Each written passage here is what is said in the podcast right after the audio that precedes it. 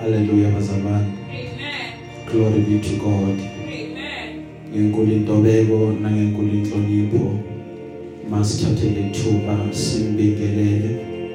Sibonge ukuphumelela kwenu namhlanje kuba nizohlanganyela nathi bazalwane. Amen. Hallelujah. Amen. Ize kunamakhaza but ni- nikhona. Amen. Amen. Praise the Lord. Amen. Cela bafushane nje bazalwane sibingelele even to abazalwane abasibukele live via Facebook. Amen. nelihle igama lenkosi. Sibingelele to abazalwane abasibukela ku YouTube abazalwane abasilalela kuma podcast abazalwane abasilalela ku WhatsApp. Ngelihle igama lika Jesu. Haleluya hlala kuyintokozo kithi ukuthi every week bayasilalela labazalwane. Awu amen. Amen. glory be to God. Amen. Wanga uNkulunkulu angaqhubeka athele umusa abenzele kahle. Awu amen. Sithanda ukubonga abazalwane to even media team yethu. Ngelihle igama lika Jesu amen. Amen. umsebenzi bazalwane niwenzayo muhle kakhulu kuba sibe live every Sunday without fail. Um nokuthi ama video wethu abukeleke kungafifiyeki. Siyabonga bazalwane Amen. Haleluya Amen. uma sikhona nje singabashayela izandla labazalwane. Awu amen. Hallelujah. it's been more than a year silahamba lolu hambo kuze kube namhlanje the standard has been set. Praise be to the lord. Amen. sibonga ukuyinikela kwenu emsebenzini wenkosi. Kusomusa yakubusisa awu amen. Glory be to god.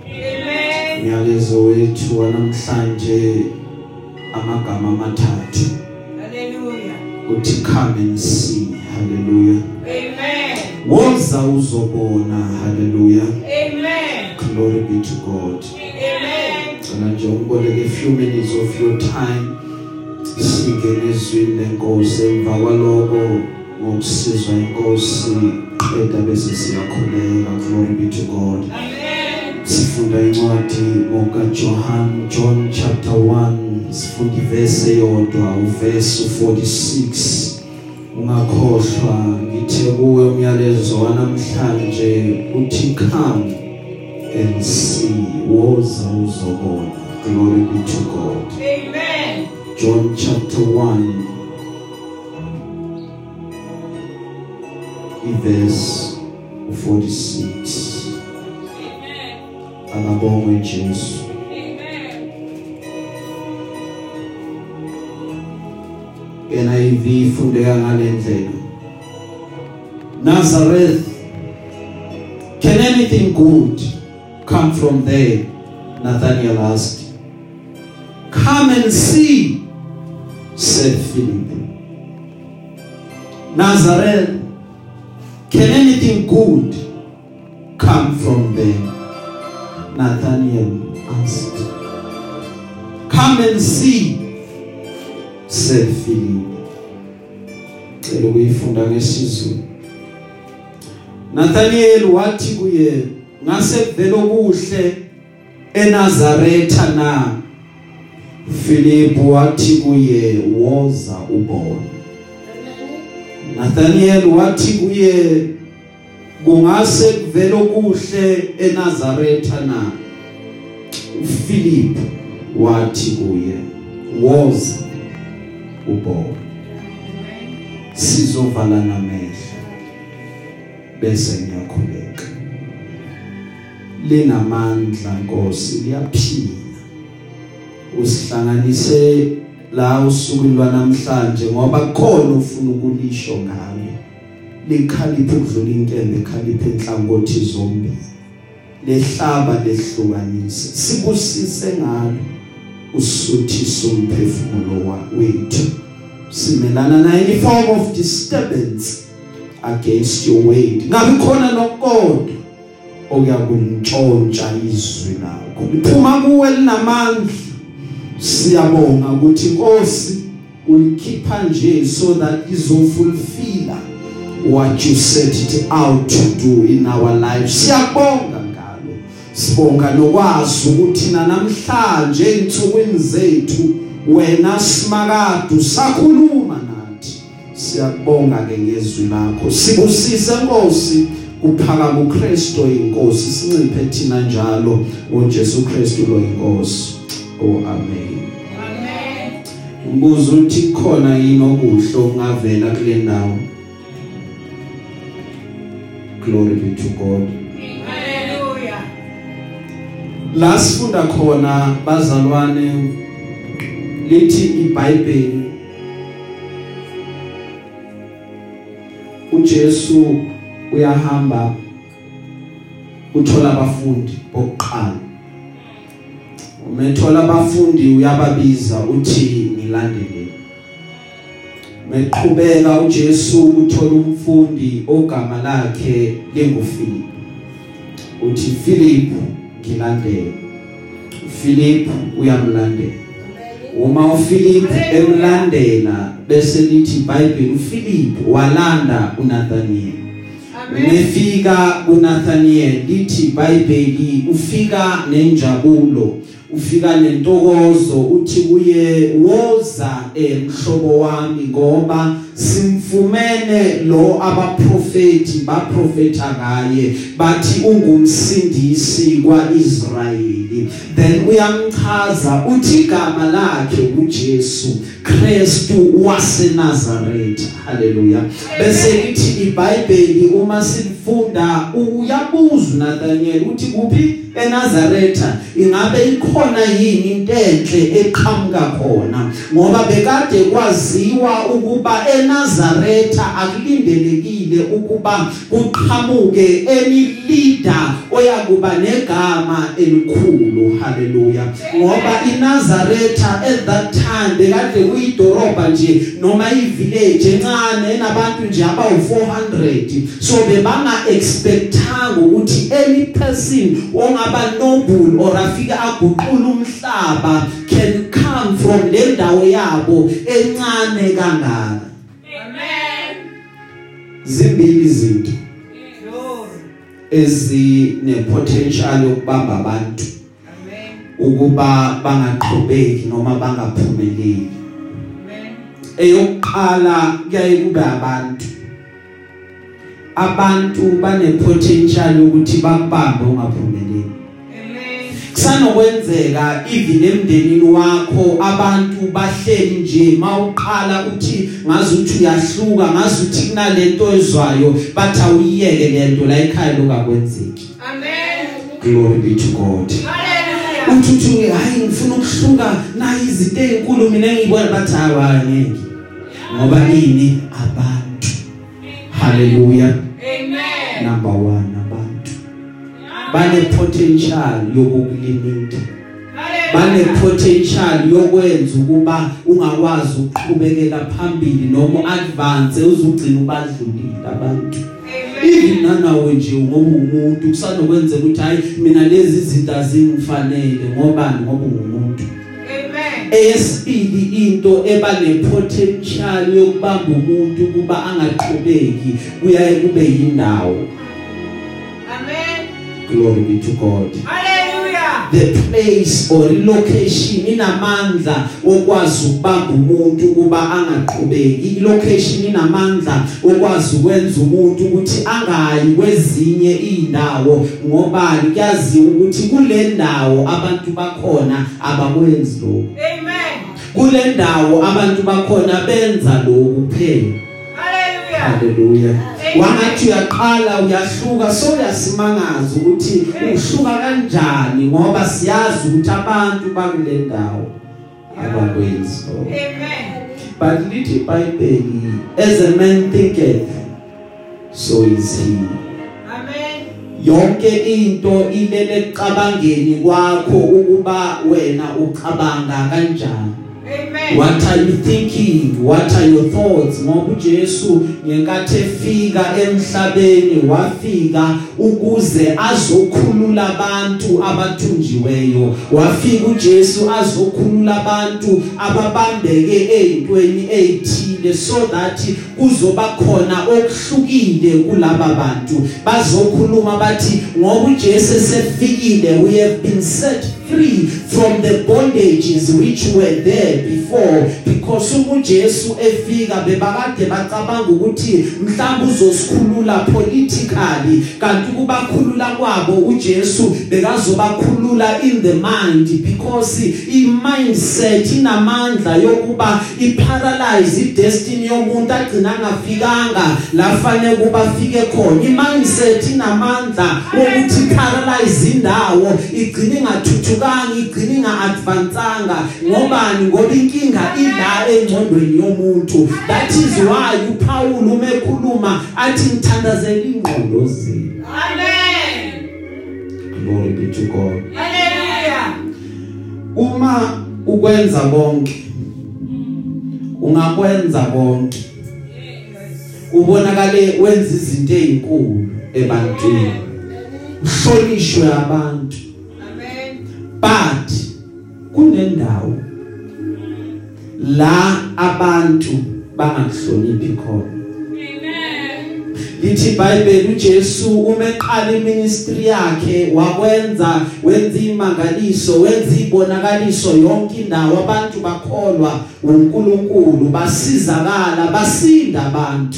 Bese lithi iBhayibheli wahamba waya endaweni la azelwe khona kuphi? eNazaretha. Umefika eNazaretha waqala wabafundisa esinagogeni. Bambuka bathi hayi noma ngathiwani lo muntu siyamazi. Bathi ubabakhe akusuye lo indodana yecarpenter lo busy namaplanka. Bathi yes uyu ubabakhe loyo. Bathi umamakhe akusuye uMaria bathi yes umamakhe uMaria bathi abafowabo akuyena uJosepha noJakobe noSimon kanye noJuda. Bathi ya yibo bathi abodade waba bekho la phakathi kwethu bathi ya bakhona phakathi kwethu. Bese bathi so lokuthathaphi lokufundeli ngoba akafani nabafowabo. Bese lithi iBhayibheli bangamthathele ekhanda ngobani becabanga ukuthi bayamazi. Each time you think ukuthi umuntu uyamazi you end up missing the move of God.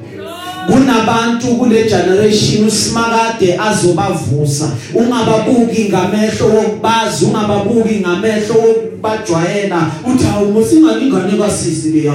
Ngiyayazi uzolahlekelwa into zakho. Unokubuke ukuthi ngangimshintsha inapkeni ngiyamaze egijima lana engazi ukuthi wenzani. Ingoba uNkulunkulu sehleli ku akusasiye nobe kade umazi you will miss God.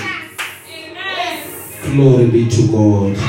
Because imindeni yethu yahlupha ibambe ukuthi hayi lona siyamjosa imjwayele siyamazi. Bese bayakubuka bakube bakuthathe nje bakubeke esikalini.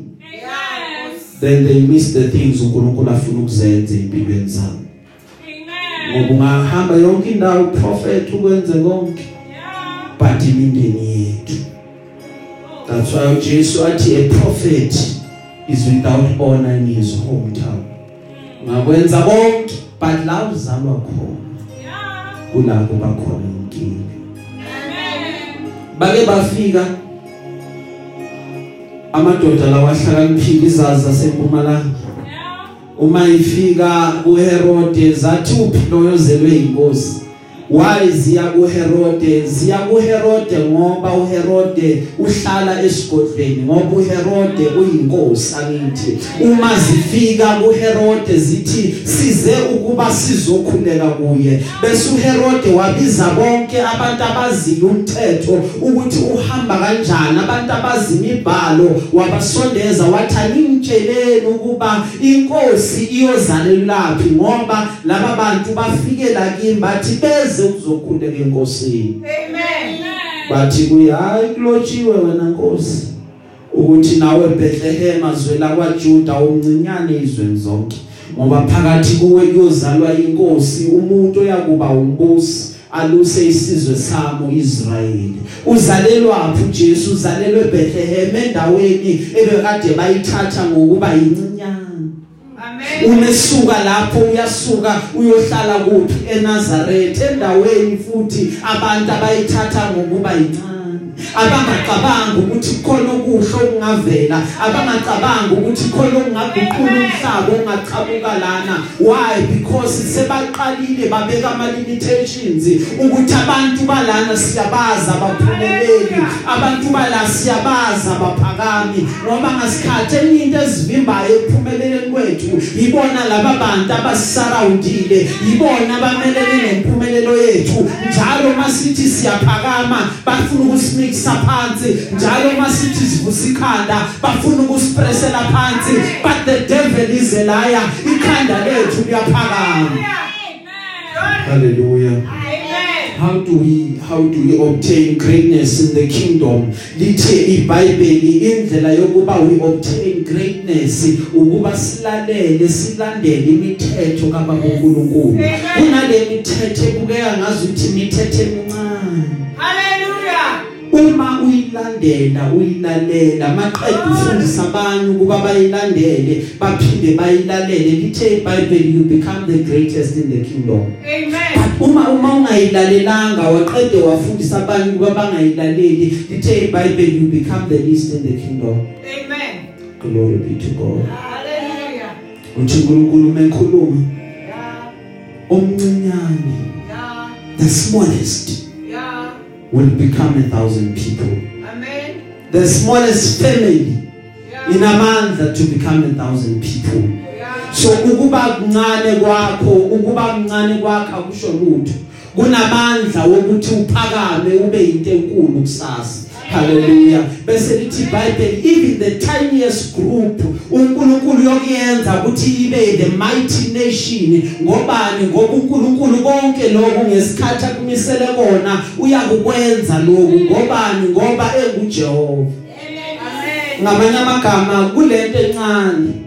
Kulento engabhekekanga kulento engathathelwa enhloko khona uJehova angakwenza. For uNkulunkulu ukhulumile ezwini lakhe wathi ngiyazazi inhlelo enginazo. I know ama plans enginawo ngani. Uthi uNkulunkulu uma ekhuluma these plans are to prosper you. These plans are not to harm you. These plans are to give you hope and a future. Uyakuba nekusasa ube nethemba ngoba ama plans kaNkulunkulu uNkulunkulu ufuna ukukupha izinto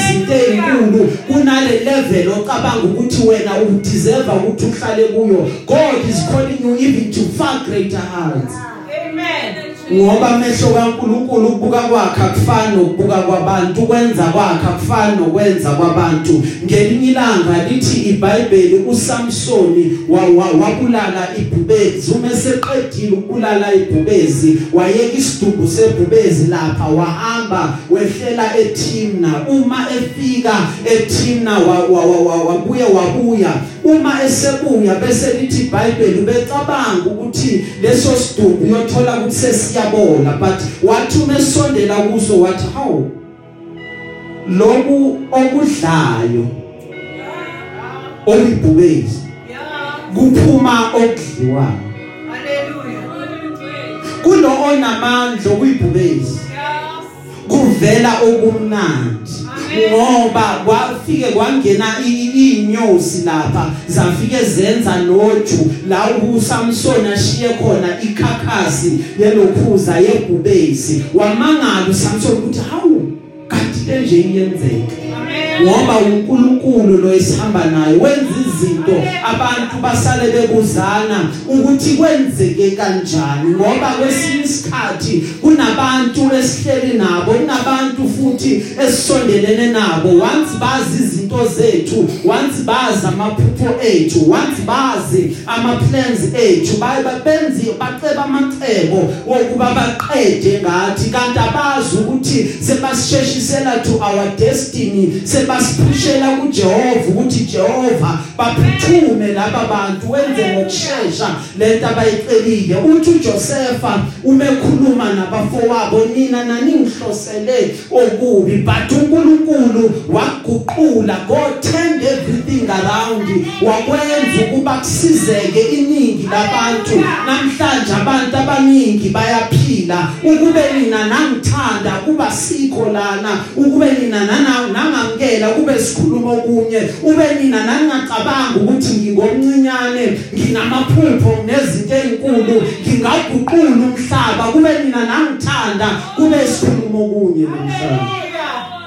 But abantu basizakala ngoba mina nangizonda inzondo yenu yangiphushela kuJehova inzondo yenu yangiphushela to the will of God ngakwazi ukuba ngiqhubeke ngiyofeza injongo kaSimakade Amen.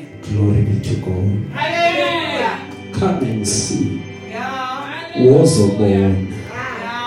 izinto uNkulunkulu azenza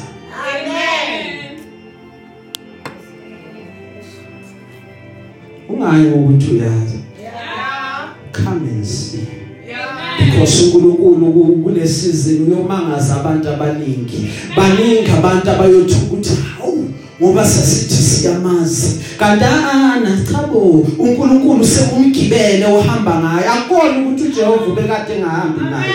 Ubevele ehamba naye kwaseqaleni kodwa uJehova bekasamfihlile ngoba isikhathi sokuthi abe exposed besingakafiki. Nezinto uNkulunkulu ebekasazakha kuye. Lithi iBhayibheli uObadiya wathatha abaprofeti wayobafihla kuma caves ngenkathi uJezebel akhiphe umyalo wokuba abaprofeti mababulawe wabaphukuza uObadiya wabafihla uObadiya so that bangafi baqhubeke baphile. But at the rightful time uJehova wabambula wathi naba abaprofeti bami wena Elijah ukho wedwa. Ngoba uElijah besecabanga ukuthi mhlambe ngisele ngedwa ngoba waye enkosini wayokhala. Wathi uNkulunkulu angisingcono njengabafowethu angisingcono Jehova ngcono ngife ngoba sephuma umyalelo. Wokuthi nami mangife but uJehova wathi chabo Elijah awukwazi ukufa ngoba uhambo lwakho liseselude vukudle wadlu Elijah waqhubeka nohambo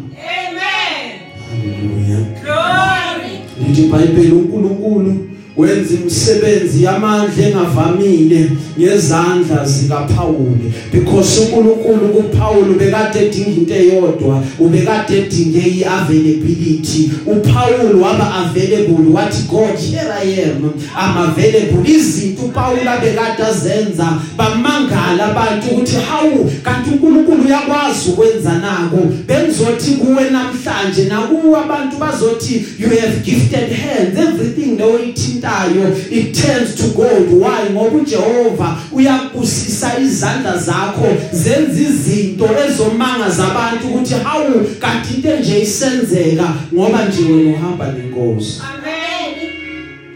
haleluya Amen. lokise ngakubonanga Yeah. nendlela engakuzwanga Yeah. ongavelanga enhlizweni yamuntu Yeah. yiloko uNkulunkulu akulungiselela abantwana bakhe zinkulu izinto uJehova silungisele zona. Zinkulu izinto uNkulunkulu asibekele zona. uJehova usazosenzela zona. Uyakuyiqhathakisa from emafini njengemvula. Babona abantu sinethwa yimvula. Yalezinto uJehova sibekele nasenzela zona. Ngoba amehla wakayiboni inhliziyo izazi ukuthi uJehova usazosenzelani greatness is still coming. Athi uDavid umekhuluma impelo kuhle nomusa kuyangilandela. Imihla yonke yokuphila kwami la ngihamba khona khona okuhle la nginyathela khona khona umusa ngobani ngumntwana kaNkulunkulu ngathi ngababiza bonke ngithi zani nizobona lezi zinto uJehova senze empilweni yami. Bekade ngingacabangi ukuthi ukukhala kwami isikhathi eside kangaka kungizalela lezi zinto kodwa sekuyenzeka right now sekuyisikhathi senjabulo yami sekuyisikhathi sentokozo yami because uNkulunkulu knows and understand ukuthi ngidlule kuluphi usizi. That is why abanye abantu aba understand uma bengibona ba expect ukuthi ngizothula ngiyothula kanjani uJehova wangenzela izinto ezinkulu kangaka? Angikwazi ukuthula. Kumele ukuba ngimphakamise kumele ukuba ngimdumise because lezi izinto azenzile asikho esimsandla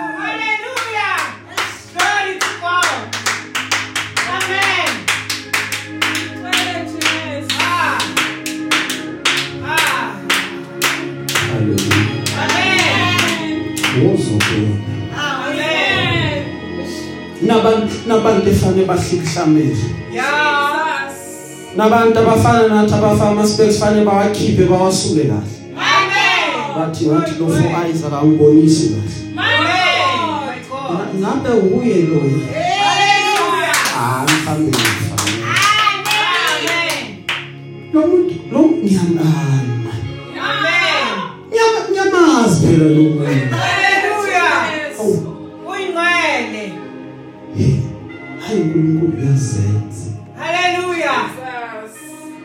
uye uye wonke vele lo Ah. Thank you. mhlawumbe abantu bayafanele ngingabafanelisi Amen.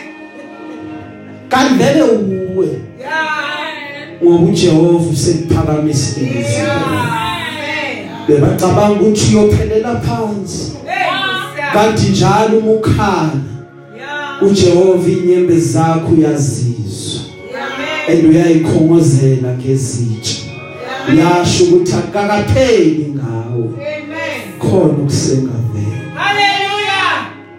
glory to Glory. God Amen. ngifuna ukugcina bazalwane Amen. Glory to God. Amen. uma uPaul ekhuluma Yeah. uthi bhekani ukubizwa kwenu Yeah. Ababaningi phakathi kwenu abahlakaniphile ngokwenyama Hey. banyuma besibuka bathi siyiwula banyuma besibuka bathi siyabhayiza haleluya bakhona nama bebakade bengitshela bathi hayi uyabhayiza wena Amen. kunye ngahlangana naye sekuhamba iminyaka ethile Yeah. wayekade ngibiza ngesilimo. Wathi uma sekangibona Hey. wathi kube ngamanzi Oh, Kusiana. ukuba uhlakaniphile Oh. kube ngaphila impilo efana neyakho Amen. ngoba lokho esikwenzayo kumbula kwabaningi that is why abanye uma besibuka baze bacabanga ukuthi hleze sinqanyukelwe ulayini Amen. Bantu baze bacabanga ukuthi hleze siphephukelwe iroof Ah. kanti hayi sikhona Yes. athi Paul umebhala kaba baningi phakathi kwenu abanamandla Yeah. kaba baningi phakathi kwenu abayikhulu Amen. kodwa uNkulunkulu Amen. uthathe izinto ezibula zaleli lizwe Yeah. Wayikhetha ukuba jabulise ngazo lezi ecabanga ukuba ihlakaniphile. Amen. uNkulunkulu uthathe izinto wayikhetha zaleli lizwe. Wathi nizojabhiswa yilaba engibanganamandla noma ningabukeka nina ninamandla. But lokho engikuvusayo kubukeka kunganamandla. But kunamandla uma kuhleli kimi. Uma nje kusesandleni sami. Yikona engiyakusebenzisa haleluya. Lithi iBhayibheli uNkulunkulu uthatha izinto eziphansi wathatha lezo zinto nalezi ezidelelwayo lezi abantu abayibukela phansi wasebenzisa zona ukuze azochitha lezi zinto ecabanga ukuba zinamandla noma ziphezulu. uNkulunkulu uthatha izinto abathi lento ayikho wasebenzisa zona ukuze azochitha izinto abantu abathi zikhona. Ngoba la amandla abantu aphela khona kulamandla kaNkulunkulu aqala khona. Athi omunye when the devil puts a full stop uNkulunkulu begins a new sentence. Why uJehova enza lokhu why uJehova athatha ubuthakathaka bethu. Uzazi ukuthi inkosi ngibuthakathaka. Uzazi ukuthi baba ngikwazi ukukhuluma but uJehova kuthatha athi uzohamba uyokhuluma. Uzohamba ukhuluma indaba zami ezinhle. Wayi uJehova enza lokho wazi ubuthakathaka bakho. Wazi ukuthi lapha kunamandla uzazi wena. Ingoba uJehova akafuni ukuthi kube khona noyedwa. Lithi iBhayibheli oyakuyibonga phambi kwaNkulunkulu athi ngishumayela nje ingoba vele ngiyakwazi. Ngithandaza nje ingoba vele nginamandla. uNkulunkulu ufuna lezi zinto ezinganamandla so that abantu bazomangala ukuthi kwenzeke kanjani lokhu. Kwenzeke ngoba uJehova uyowenza lo msebenzi. Ngoba kuloko okuncane usimakade uyakwazi ukuba khipho okukhulu abantu bacabanga ukuthi siphansi khabo wasikho phansi sisesandleni senkosi. Khona la uJehova simikisa khona kunezinto ezizoguqula umhlaba esizembethe. We know and understand ukuthi we are carrying igreatness siyayizwa lento ngaphakathi ukuthi umhlaba uyayidinga. Siyazi lento esiphethe ukuthi ze international lento esiphethe abantu emhlabeni bayayidinga lento. We know and understand but we are waiting for that appointed time. La uNkulunkulu will say release and open doors. Bese iminyango iyavuleka. Bayobona sesingene eminyango bathi dala simazi. Bathi ngoba bacabanga ukuthi bayamazi. Babese bamthathela phansi. Bamqala ngamehlo njengamanzi okubona iphuthu Amen.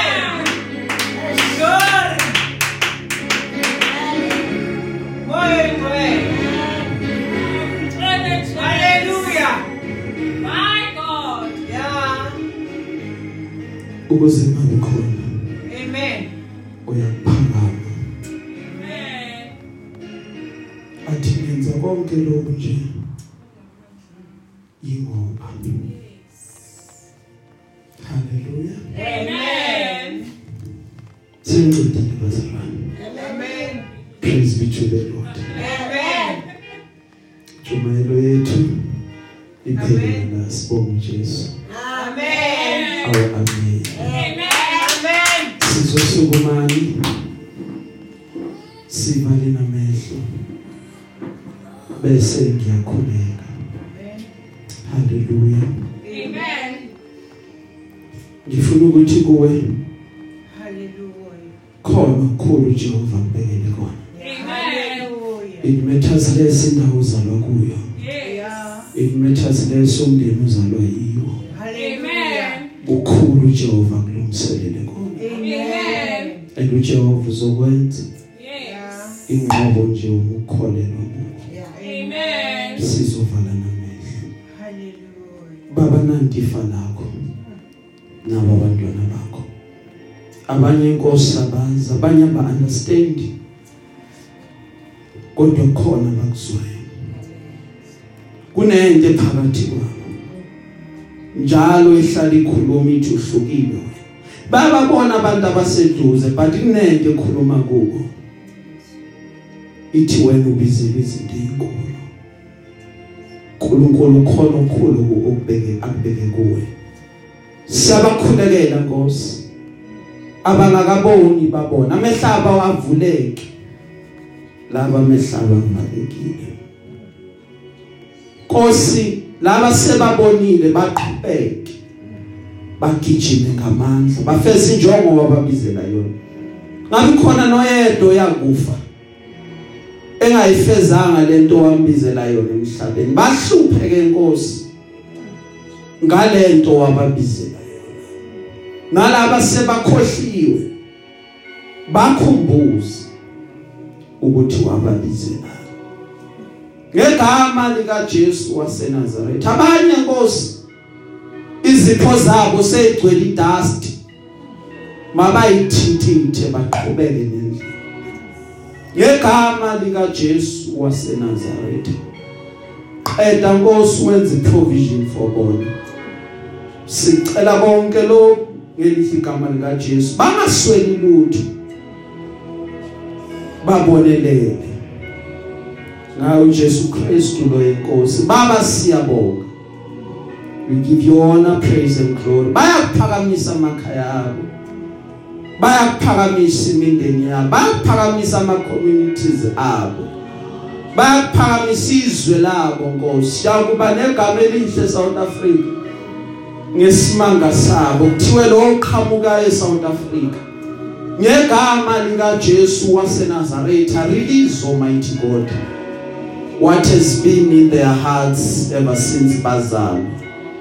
Sicela konke lo ngelihle igama lika Jesu waseNazaretha ozobuya masishane. Ibandla lonke lithi amen.